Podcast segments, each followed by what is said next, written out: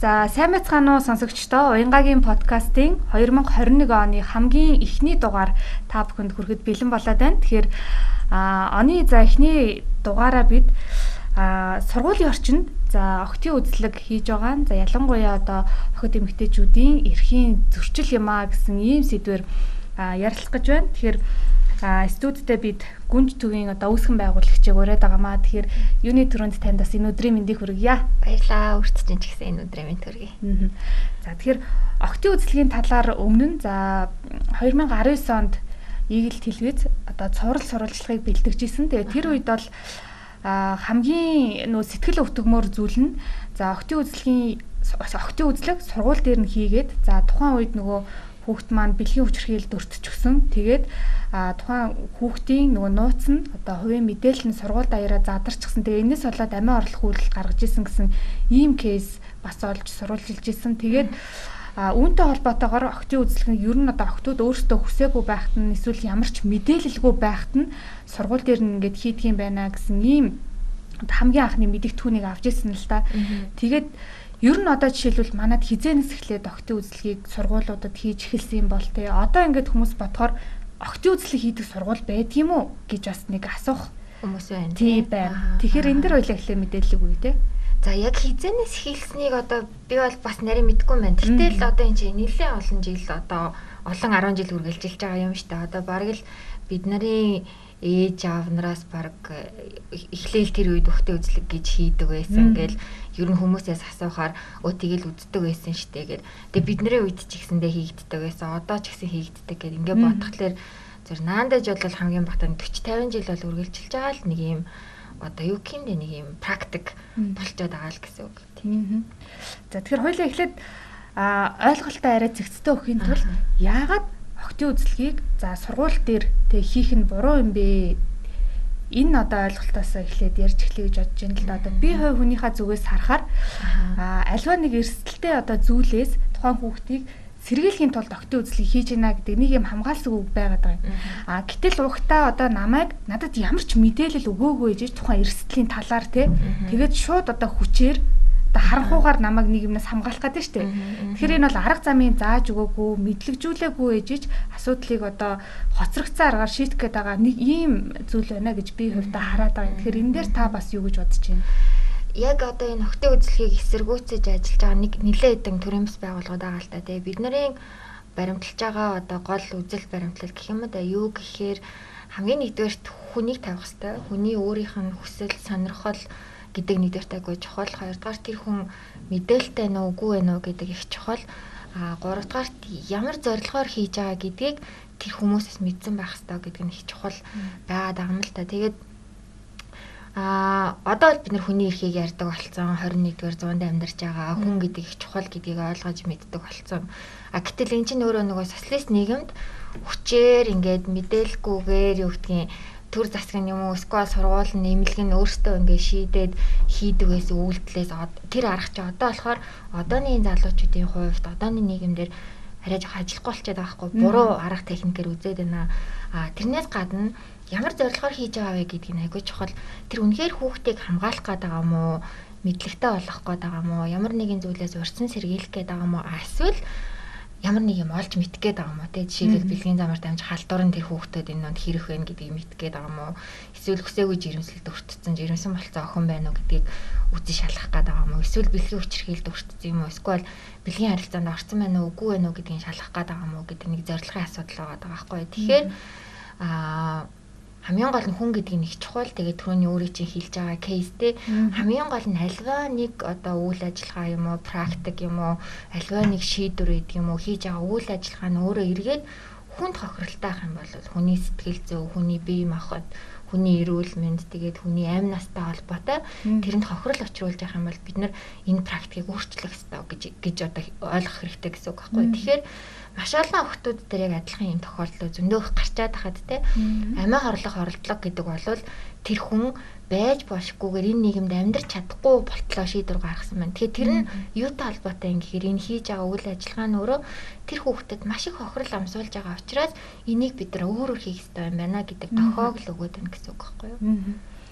Тэгээ ингээд бодоод үзэхээр за одоо магадгүй 30 жилийн өмнө 40 жилийн өмнө тухайн үед одоогийнх шиг бол юм одоогийнх шиг байгаагүй те. Жишээлбэл эцэг эхчүүд хүүхдээ За октоудаа одоо жишээлбэл эмэгтэйчүүдийн эмчээ даавачд үзүүлээ гэхэд одоо эмнэлэг нь тийм олон байгаагүй ч юм уу. Тиймэрхүү шалтгаануудын бас сургууль дээр нь одоо нэгдсэн журмаар үздэг байсан байж болох юм тий. Одоо ингээд зөвтгöd бодоод үзэхээр а гítэл одоо бол юм өөрчлөгдсөн. Тэгээ яг тэр чигээр нь тэр стандартаар одоо яг тэр хийж байгаа үзлэгээ одоо ингээд өргөжлүүлээд хийгээд байх нь а мэдээлэлтэй одоо юм юм юм нь бэлэн болчихсон энэ үед бол бас тохирохгүй арга шиг санагдаад байгаа юм тий. Яг нь ялангуяа одооний нөгөө бид нар а generation Z гэж яриад байгаа шүү дээ. Gen Z-ийн хүүхдүүд бол бүр ингээд зарим нь бараг гайхаж хүлээж авч байгаа хгүй. Яагаад над дээр ингээд одоо ялангуяа нэг юм олон улсын сургууль сурдаг ч юм уу нэг юм одоо гадны соёл бас суралцж штэ монголчууд чинь тийм хүүхдүүд бүр ингээд яагаад надаас зөвшөөрөл авахгүйгээр яагаад манай аав ээжэд мэдэгдэхгүйгээр те яагаад надад үзлэг хийх гэжээж манай сургуулийн юм ч юм уу манай сургуулийн захирал өөрсдөө шийдээд юм юм хийж байгаа. Надад мэдээлэх хэрэгтэй штэ гэдгийг хүртэл ярьж байгаа хгүй. Тэгэхээр нэг талаар энэ бол айгүй сайн ярья. Тэгэхээр октод маань маш их чадварчсан байна. Энэ байж болохгүй юм байна А гэтээ би үзүүлэх хэвээр, урьдчилан сэргийлэх хэвээр гэдгийг ойлгож байгаа. Гэтээ энийг надад хүчээр хийж болохгүй. А тэгээд дээрээс нь тохиромжгүй орчинд бас хийж болохгүй гэдгийг мэддэг охтууд бол маш их болсон байна. Аа яг энэ ярилцлагыг сонсож байгаа үзэгчд маань нэг зүйлийг ойлгосоо гэж хүсэж байна. Тэгэхээр а октийн үзлэгийг сургууль дээр хийхийг за хийх нь буруу юм а гэж ярьж байгаа нэг талаараа зарим хүмүүс ингэж ойлгож магадгүй л нөгөө октуудыг тий нөгөө одоо урьдчилан сэргийлэх үзлэгт оруулахгүй гэдэг байна гэдэг утгаар нь ойлгоод Эн чинь ингээд ямар нэгэн байдлаар одоо жирэмсэн болцсон байх юм бол халдварт өвчин авцсан байх юм бол хүчирхийлд өртсөн байх юм бол тэр бүгдийг чинь мэдэх арга зам юм биш үү гэдэг нэг ийм байдлаар ингээд дайрал хийгээд байгаа байхгүй. А гэтэл эн чинь нөгөө нэг тухайн хүүхэд хүүхдэд ямар нэгэн байдлаар сонголт байх ёстой шүү дээ тий. Тэгээд шийдвэр гаргах хэрэгтэй. Хүүхэд учраас үр дагаврын тайлбарлаж өгөөд өөр өөрөн шийдвэрийг гаргуулах хэрэгтэй. Тэгээд бас mm -hmm а мэрэгжлийн эмнэлгийн орчин л одоо хийгдэх ёстой ийм зүйл шүү дээ. Тий. Бид нар бол нөгөө нэг охтын үзлэгийг эсэргүүцээд байгаа нь охтын үзлэг байж болохгүй гэж юусаа яриаг байхгүй юу? Бид нар юу ярьж байгаа вэ гэхээр энэ хүсэл сонирхолтод тулгуурлах хэрэгтэй юм байна. Хүүхдийн эрхийн тухай конвенцэд хүртэл ингээд тодорхой загаа бичсэн байна. Хамгийн нэгдүгээрт хүүхдийн ашиг сонирхлыг нин тэргуунд тавих хэрэгтэй гэдэг чинь хүүхэд өөрөө хүсэж гинөө хүсэхгүй байна уу, тэ мэдээлэлтэй үгүй байна уу гэдгийг хамгийн нэгдүгээрт нь чухалчилж авч үзэх хэрэгтэй байдаг л да.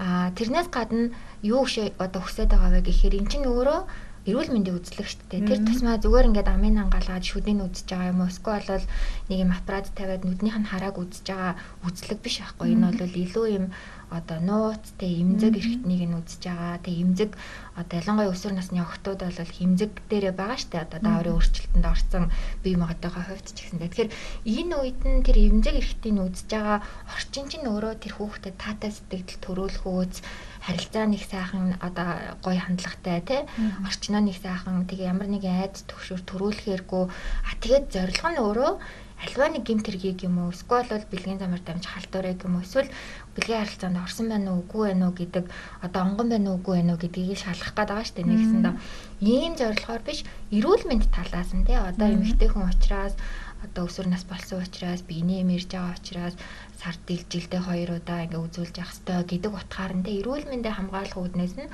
зөвлөгөө өгдөг байдлаар нь зорилго нь арай харах өнцг нь арай өөр хийгддэг байгаасаа л гэж хүсэж байгаа байхгүй. Тэрнээс биш энэ хэрэгтэй юу? Хэрэгтэй үнэхээр хэрэгтэй. А гэхдээ маш сайн мэдээлэл өгдөг байх хэвээр, маш сайн зөвлөгөө өгдөг байх хэвээр, мэрэгжлийн орчин, мэрэгжлийн эмч хийдэг байх хэвээр. Тэгээ дээрээс нь тэр охтууд өөрсдөө хүсэж хийлэгдэг байх хэвээр.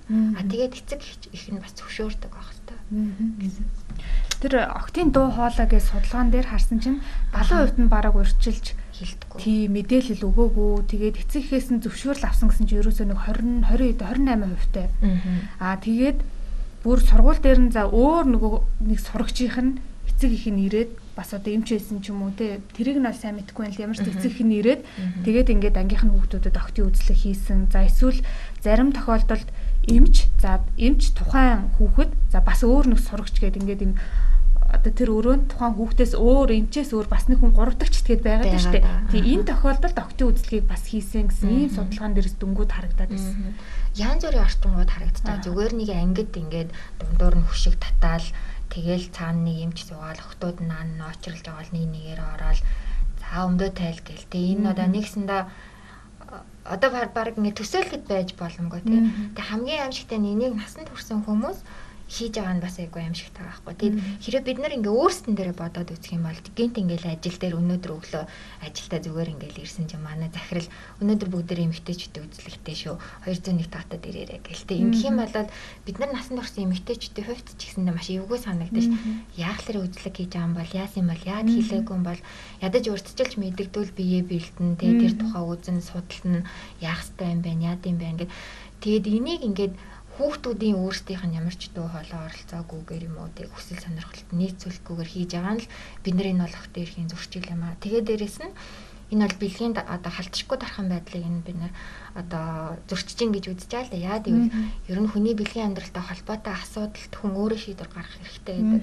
Тэ энэ тухайга ярих хүртэл тэр хүний өөрийнх нь хүсэл сонирхлын асуудал байдаг учраас тэр бэлгийн одоо эрхтнийг нь бэлэг эрхтнийг нь хүчээртэй ингээ мэдээлэлгүйгээр урьдчилж хэлэхгүйгээр өөрийнх нь санал бодлыг сонсохгүйгээр үзэн шалгах чинь гэдэг бол энэ бол хүний эрхийн зөрчил. Тэгээ олон улсын хэмжээнд ч гэсэндээ одоо маш цөөхөн оронд энэ одоо virginity test буюу онгон эсгийн шалгадаг тест хийж байгаа орнуудын нэг нь манай улс болчиход байгаа. Тэгээ илүү ингээд социалист системтэй улс орнууд л энэ одоо үйл ажиллагаагаа ингэж үргэлжлүүлж байгаа харагдаж байгаа. Тэгэхээр яалтчгүй бид нэр хүнээ дээдэлтэй хүний эрхийг чухал гэж боддог. Тэгээ энэ цаг нийгэмд амьдарч байгаа үед бол энэ хүүхдүүдийн эсрэг ялангуяа охтын эсрэг үлдэгдэж байгаа энэ мэтчлэн одоо практикийг бол халах ёстой л гэж үзээд байна. Тэгээд энэ судалгаа нь болохоор 2019-оос 2020 оны хооронд хийгдсэн байлээ шүү дээ. Тэгэхээр эн чинь ойрын одоо 2 3 жил ойрын хэдэн жил дотроо болж байгаа үзлэг болж байгаа процесс л гэж ойлгож байна. Бид сая хамгийн сүүлд үүр хангаас нэг юу авсан охины охиноос мэдээ авсан манай сургууль дээр охид үзлэг хийх гээд байна гэд хинтээс бас авсан. Тэгээ гих мэдчлэн одоо хотарчмаа дээр л арай гайгүй байгаа даа. Одоо бас хичээл байхгүй байгаа болохоор байхгүй байгаа учраас А хөдөө орон нутгуудад бол ингээд ялангуяа сумдууд дээр сумын сургуулиуд дээр бол хийгдэх гэж хийгдэх гэж гэдэг мэдээлэлүүд бол ирээл байгаа. Тэгэл бид нэр айл болох нөгөө хамтарч ажиллаж байгаа байгууллагуудаар энэ бол болохгүй шүү гэдгийг хэлээд байгаа боловч тэгэл а одоо юу гэдэг хууль тогтоомжоор ямар нэгэн тогтоол журмаар тэр чи хоригдсан юм байхгүй байгаа болохоор тэгээд бид нарт бас мэддэгдэхгүй хийгдэж байгаа зөндөө олон л тохиолдол байгаа ах л та. Өмнө нас намайг сурвалжлага бэлтэж байхад бас айгүйх ингээд нөгөө Facebook чатаар ч юм уу охтууд орж ирээд одоо ингээд манай сургууль дээр хийн гинэ эсвэл ингээ өнгөрсөн жил хийсэн. Тэг ингээ өөртөө одоо энд ингээд ормооргүй байна гэж хэл гэхээр нэг бол ингээд багшийн зүгээс ямар нэгэн байдлаар ингээд чи угаасаа ор юу яриад байгаа юм маягтай юм. Чи чиний эрүүл мэндийн төлөө хийж байгаа гэд тэрнээс өөр илүү тайлбар өгдөггүй гэд ингээ хэлсэн. Тэгэхээр бүр сонсохоор үнэхээр харамсалтай. Яа тэгэхээр тэр чинь ингээ хувь хүний хамгийн нандин одоо ингээ юм мэдээллүүд тэнд донд ингээ задрах гэдэг дээ. Гэтэл нөгөө нэг одоо тэр бэлгийн цогц боловсрал олгоод сууж явах хэвээр багш хүн яг тийм хандлага гаргана гэдэг амар харамсалтай байна. Хиний хандлагыг өөрчлөхөд маш хэцүү байгаа гэхээр багш нар эцэг эхчүүд. Ерөөсөө л хамгийн одоо бидний ялангуяа өмнө ингээд тулгарч байгаа асуудлууд охтууд бол тэрийг ойлгоод ингээд яг зарим нь бол эсэргүүцдэг охтууд байдаг л та. А гэхдээ ер нь бол инженерэ болохгүй мэн гэдгийг дийлэнх нь ойлгож байгаа. Гэхдээ а надад зүгээр юу харамсалтай санагдаад байгаа вэ гэхээр ялангуяа боловсролын тогтолцоо эцэг эхчүүд нь өөрсдийнхөө өөрөх хэвээр хариуцлага өгтөө үзлэг гэдэг нэг юмд ингэж одоо гэдэг ноогдолчаал аа тэр урьдчилан сэргийлэх үзлэг одоо эцэг ихийн хүүхдээ сургууль дээрээ л очроо сургууль дээр очроо гэл ингээл явуулчихж байгаа нь нэг гэсэндээ өөрсдийнхөө хүлээх хариуцлагаасаа зүгтж байгаа бас нэг хэлбэр байхгүй. Тийм учраас өгтөө үзлэг байх хэрэгтэй. Тэнгүүд нь бид нар бол яхаа өвшөө юу ярьсан гэвэл тэл яг өгөөдөө үзлэг ажиллахгүй байна. Тэгээ өгөөдийг нь яагаад үздэг зөвхөн охтуудыг нь үзчихэд охтуудад нь л асуудал байдаг юм шиг. Тэгээ эн чинь өөрөө алсуураа манай нийгэмд ямар ойлголт төрүүлээд байна гэхээр нөгөө л нэг өсөөгөө жирэмслэлт гэдэг чинь охтуудтай эмэгтэйчүүдтэй л холбоотой юм байна. Нөгөөдөг чинь зүгээр гудамжинд явж байгаа жирэмсэлсэн юм шиг те.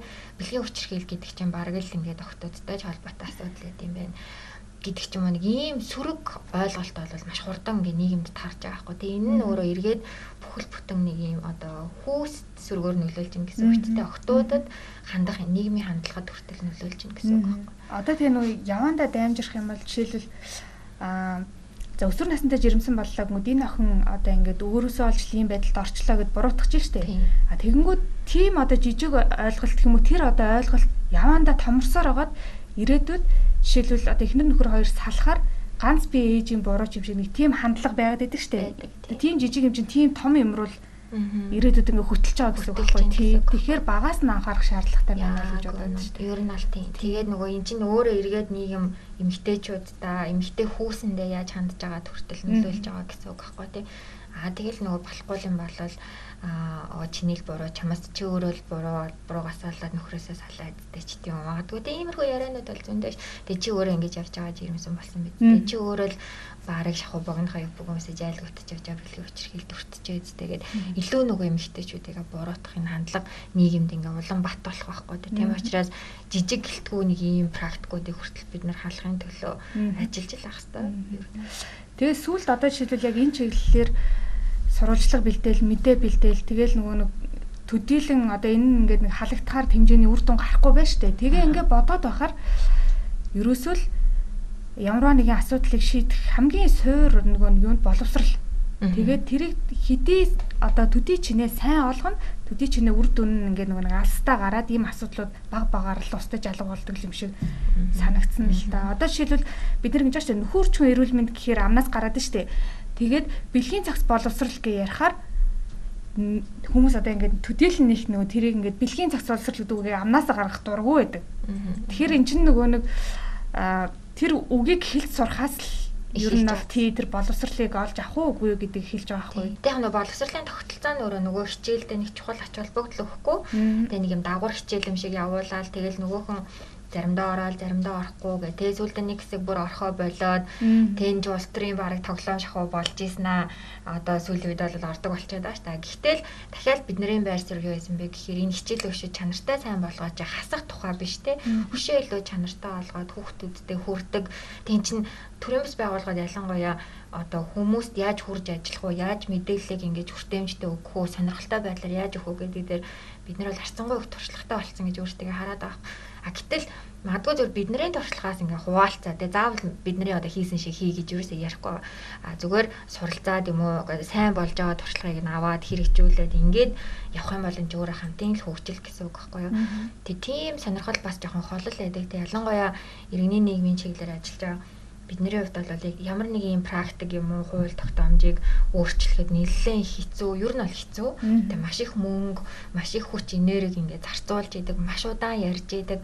Тэгжээж нэг арай жоохон өөрчлөлт гардаг. Тэгээ одоо жишээлбэл дөнгөж сайхан хөдөлмөрийн тухай хууль хэлцээ, тэн дотор ажлын байрны дахь бэлгийн дарамтын тухай асуудал ингээд анх удаага Монголын хөдөлмөрийн хуульд орлоо шүү дээ. Тэгээ энэ эмэгтэйчдийн төрийн бас байгууллагууд ийм баг 12 3 жилийн хөдөлмөр байсан. Тэгээд энэ чинь маш их ингээд хүч энерги зарцуулж ээж бид нэр ганцхан барыг шахуу заалт оруулахын тулд ингээд 13 4 жил маш олон хүмүүс ажиллаж байна.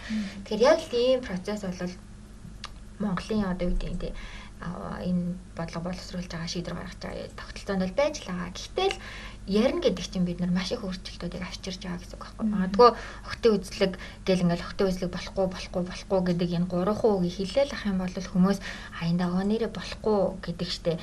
Магадгүй яагаад гэдэг шалтгааны дараа нь ойлгож олно. Гэхдээ болохгүй гэдэг мессежийг хэлж ирэх нь айгүй чухал. Бид нар бол тийж харж байгаа. Тэгээ тэрнээс гадна эхлээд охтуудыг өөрсдийг нь чадахч бол мундаг болох чи Тэгээ өөртөөхөө эрхийг мэддэг үгүй гэж хэлж чаддаг тий. Надаас асуу би одоо өөрийнхөө биеийг мэднэ гэж ингэж зөрөгтэй хэлж чаддаг охтуудтай олчвол тэрний дараа бид нар эцэг эхийн багш нарыг нь бас өөрчилж чадна гэж айгу итгэлтэй байдаг шин. За октын үзлэгийг за хийх ёстой гэж зөвтгöd байгаа нэг шалтгаануудын дунд нь за хэрвээ тухайн хүүхэд бэлгийн замын халдварт өвчин авсан бол за нэг бол жирэмсэн болчихсон бол одоо ингээ мэдэх боломжтой гэдэг нэг ийм тайлбар хэлээд байдаг те. За ингээд бэлгийн үчирхэл төрсэн бол. Үчирхэл төрсэн бол. Тэгээд нөгөө нэг 2019 оны тоог харсан чинь 15-аас 19 насны за өсвөр насндээ ээж болсон 3000 гаруй хүүхэд байна гэл ийм тоонууд жил болгон л яваад байдаг те. Тэгэхээр а юу гэж асуух гэдэг нь нөхөр октын үзлэгээр заавал одоо жишээлбэл тэр асуудлыг олж илрүүлэх ёстой мó өмнө ямар арга замаар бид нэр одоо илрүүлэх боломж байдیں۔ Тэ одоо эрхийг нь зөрчихгүйгээр тулгамцсан асуудлыг нь яаж бид нэр шийдэж өгөх юм те. Аа ер нь бол элд орчин бүрдүүлэх хэрэгтэй. Одоо хин нэгэн хүнтэй ярилцах хэрэгцээ шаардлага байвал тэр хэрэгцээг нөхөх орчин нь байж ах хэрэгтэй гэсэн үг байхгүй тийм сургууль дээр хэрвээ нийгмийн ажилтан гэдэг хүн ажиллаж байгаа бол тэр хүний хийх ёстой гол ажил бол ерөөсөө л тэр хэрвээ янз бүрийн асуудал бэрхшээлтэй хүүхэд байгаад одоо сэтгэл санаагаа хуваалцах юм уу одоо хэрэгцээ шаардлага гарлаа гэхэд тэр хүнтэй уулздаг байх хэрэгтэй. Тэхийн тулд яг уу гэхээр орчныг бүрдүүлэх нь маш чухал. Тэгээ өөрийгөө бас ойлгох нь те би бол ихтгэл таах хүн чинь шүү надтай ирээд ярилцаарай гэд. А тэгээ дээрэс нь урьдчилан сэргийлэх маш олон юмнуудыг шатараатайгаа стратеги дээр хийх ёстой. Жишээлбэл охтын жирэмслэлтийн талаар, бэлгийн харилцааны талаар гэл эсвэл одоо сэтгэл санааны талаар ч гэдэг юм уу те ингээд маш олон ийм одоо урьдчилан сэргийлэх чиглэлийн үйл ажиллагаануудыг зохион байгуулах хэрэгтэй л дээ. Тэгжээж хүүхдүүдэр тухай мэдээлэлтэй бол нийлүүлж чадах чинь а тэгж яагаад магадгүй зүгээр урьдчилан сэргийлэх тухай сайн мэдгүй байж байгаад одоо жирэмсэлчлээ гэж бодоход тэгвэл тэр асуудлаа очиод ярьдаг. Тэгээ дараа дараагийнхаа алхмуудыг хамтдаа шийдвэрлэж болдог тэр орчин нь байж ах хэрэгтэй байхгүй юу? А тэрнээс биш тийм юм байхгүй байжснаа бүгднийг хомроглож үзлэгт оруулангуудаа чи жирэмсэн юм байна гэдэг бол энэ чинь өөрөө нөгөө стеминыг бууруул ажиллаад байгаа юм л гэсэн үг тэр нөгөө октийн доо хоолой судалгаан дээр бараг 15 16 сургууль гэсэн. Тэгээд дийлэнх нь хөдөө орон нутгийнх байсан гэж ойлгосон. Тэгэхээр хөдөө орон нутагт яг энэ чиглэлийн нөгөө мэдээлэл нь хомс учраас ингээл октийн үзлэг хийгээл жилдээ нэг удаа хоёр удаа зохион байгуулал ийм нэг давтамж байгаа болов уу гэж ажигласан. Бага. Би бол тэрнтэй яг санал нийлнэ. Яа тэгэхээр бидний энэ ажиллаж байгаа ажил бол дийлэнхт Улаанбаатар хотод л төвлөрөөд байна л да. Тэгэл аль болох нөгөө сошиал сувгуудаар бидний хүрч болох тэр одоо сувгуудаараа л хөдөө орон нутгийн охтууд руу ингээд чиглэж байгаа боловч яг байгаа газарт нь очиод ингээд үйл ажиллагаа зохион байгуулаад сургалт явуулаад өрсөн сэргийлэх юмнууд хийгээд те багш нар одоо тэр сумын засаг захиргаад нөлөөлөх ажлуудыг бол ерөөсөө яг ингэж хийж болж чадахгүй байгаа байхгүй юу. Тэгэхээр нөгөө магадгүй бид нартай илүү ойрхон ажиллаж байгаа зарим нэг аймагуд байгаа тэд нар бол харцангуй гайгүй. Гэхдээ бүх газар тэгш хүртээмжтэй хүрч олуулж чадахгүй байгаа. Тэгэхээр тэр мэдээллийн ийм одоо тэгш бус байдал бол яхаа аргагүй нөлөөлж байгаа. Эмэгтэйчүүдийн эмнэлгийн хүртээмж нөлөөлнө гэж байх уу? Одоо жишээлбэл өдөө орон нутагт эсвэл суман дээр ч юм уу те эсвэл одоо аймгийн төв дээр ч юм уу эмнэлгийн хүртээмж бага учраас эцэг чинь эцэг эхчүүд нь хүүхдэд давуулж явж үзүүлэхгүй А тэгээ сургууль дээр нь бөөнд нь үзүүлчихдэг ч юм уу. За арай өөр өнцгөөс нь харах юм бас нэг юм байж болох юм гэж бодлоо. Тийм яг байж болно. Гэхдээ энийг бол бид нэр судалж үзээгүй байна л да. Яг эмгтээчдийн эмнэлгийн хүртээмж кабинет байхгүйгээс болоод сургууль дээр үзлэг хийгдэд байна уу гэдгийг бас судалж үзэх хэрэгтэй. Хүчил адил ямар агаад. А гэхдээ одоо юу гэдгийг бид нар дээр ирж байгаа жишээ, кейсүүд те бодит яг нөхцөл байдлаас харахад бол тэгж болдог үнэхэргүй байгаа. Ер нь бол яг л адилхан эмгтээчдийн эмнэлэг кабинет ялангуяа өсвөр насныхны кабинетууд хүртээмжтэй байгаа газруудад хүртэл яг адилхан л тавтамжтайгаар өгтөө үзэл нь хийгдэл явж явж байгаа байхгүй. Тэгэхээр тэр кабинет байхгүйгээс болоод ийм юм хийж ин гэдэг тийм шалтгаан болоод байгаа юм харагдахгүй л гэсэн.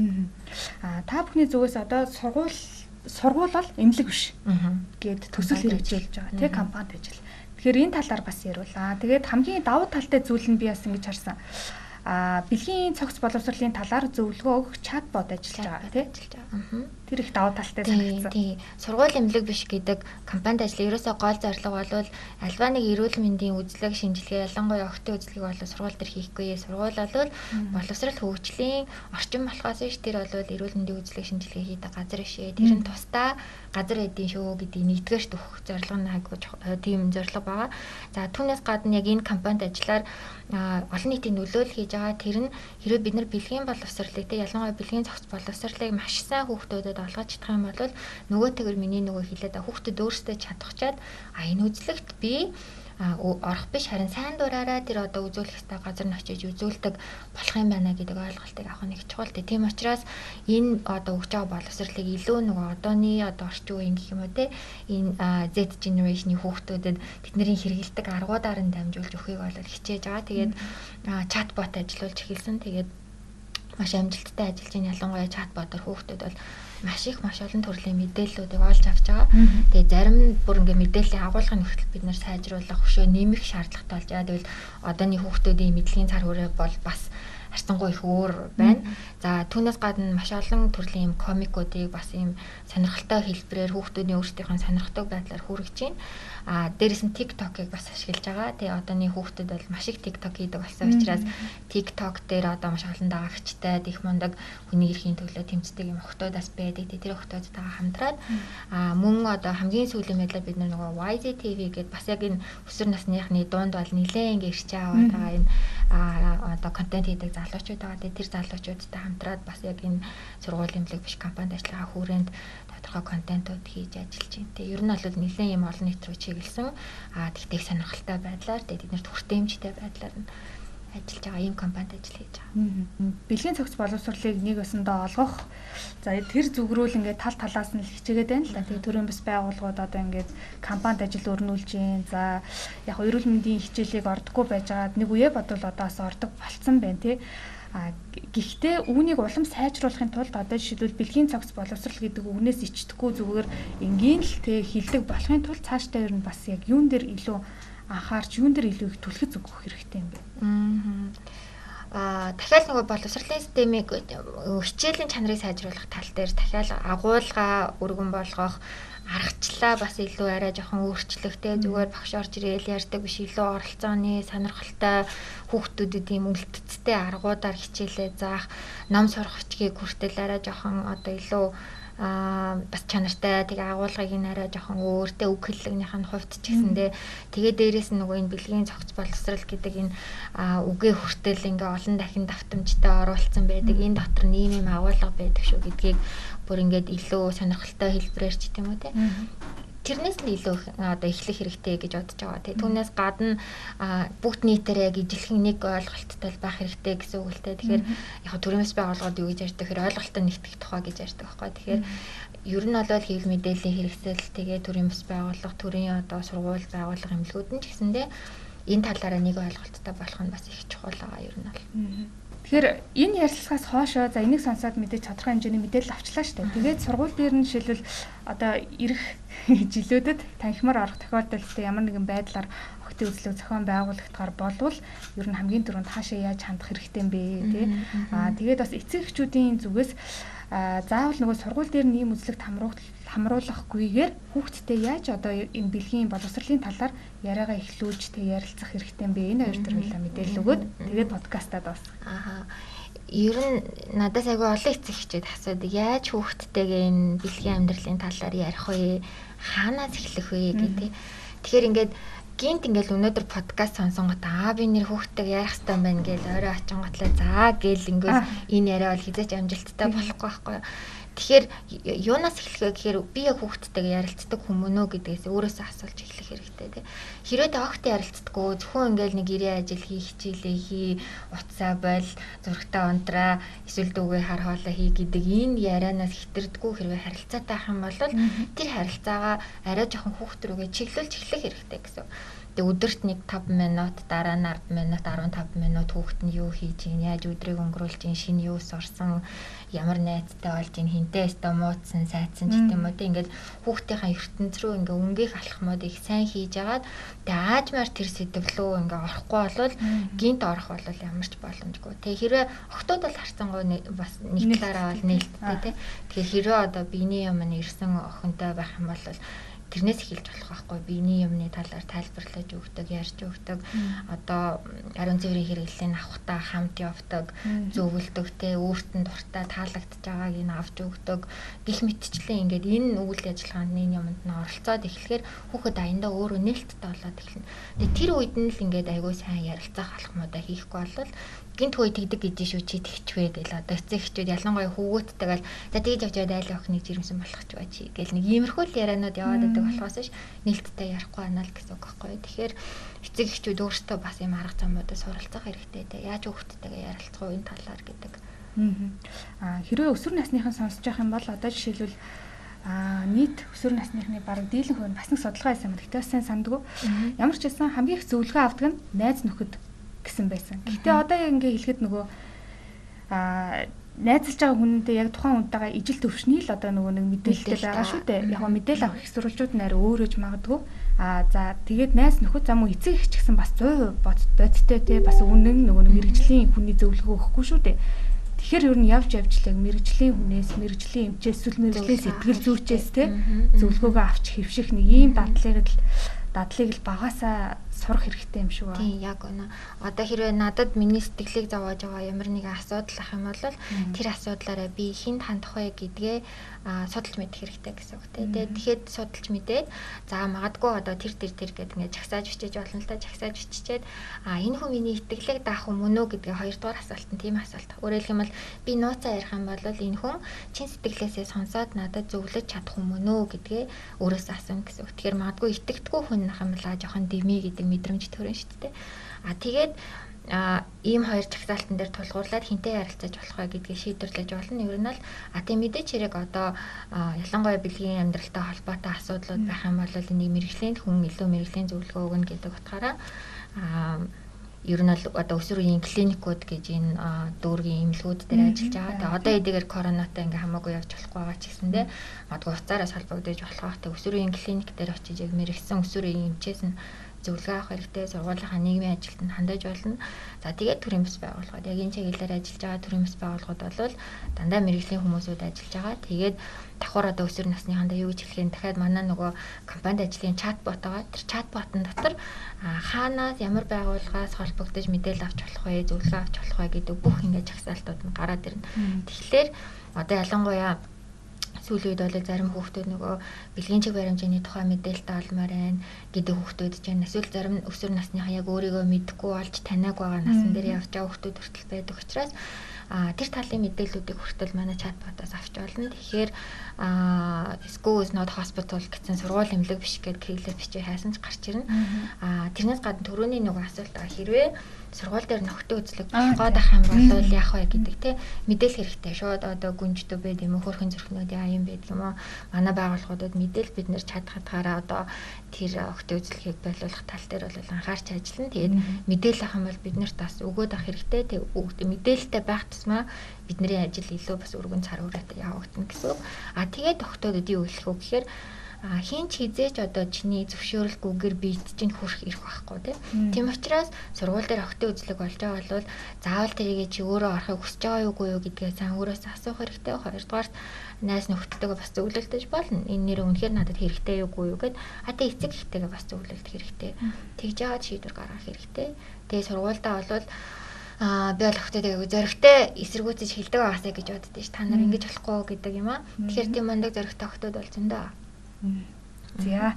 Тэгэхээр подкаст маань энд хүрээд өндөрлж байна. Тэгэхээр сургуулийн орчин бол за эмнэлэг биш. За ялангуяа охтуудыг за өөрсдөө хүсээгүй байхад нь ямар ч мэдээлэл өгөхгүйгээр охтын үзлэгт хамруулах нь за тэдний эрхийг зөрчиж байгаа асуудал юм шүү гэсэн энэ одоо ойлголтыг өгөхийн тулд бид өнөөдөр бас ярилцлаа. Тэгэхээр та бүхэн бас ойлголт авсан бахаа гэж бодож байна. Тэгээд ирж бас энэ талаар ярилцаж бас дэлгэрэнгүй мэдээлэл өгсөн танд маш их баярлалаа. За подкастаас урьж оролцуулсанд баярлалаа. Тэгээ ер нь охтын эрхийн асуудлаар байнга дэмждэг тал маш их баярлалаа. За тэгэхээр 2021 оны хамгийн эхний дугаарыг за сонссон үзэгч танд баярлалаа. Дараагийн дугаараар дараагийн дугаараараа уулзъя. Баяртай.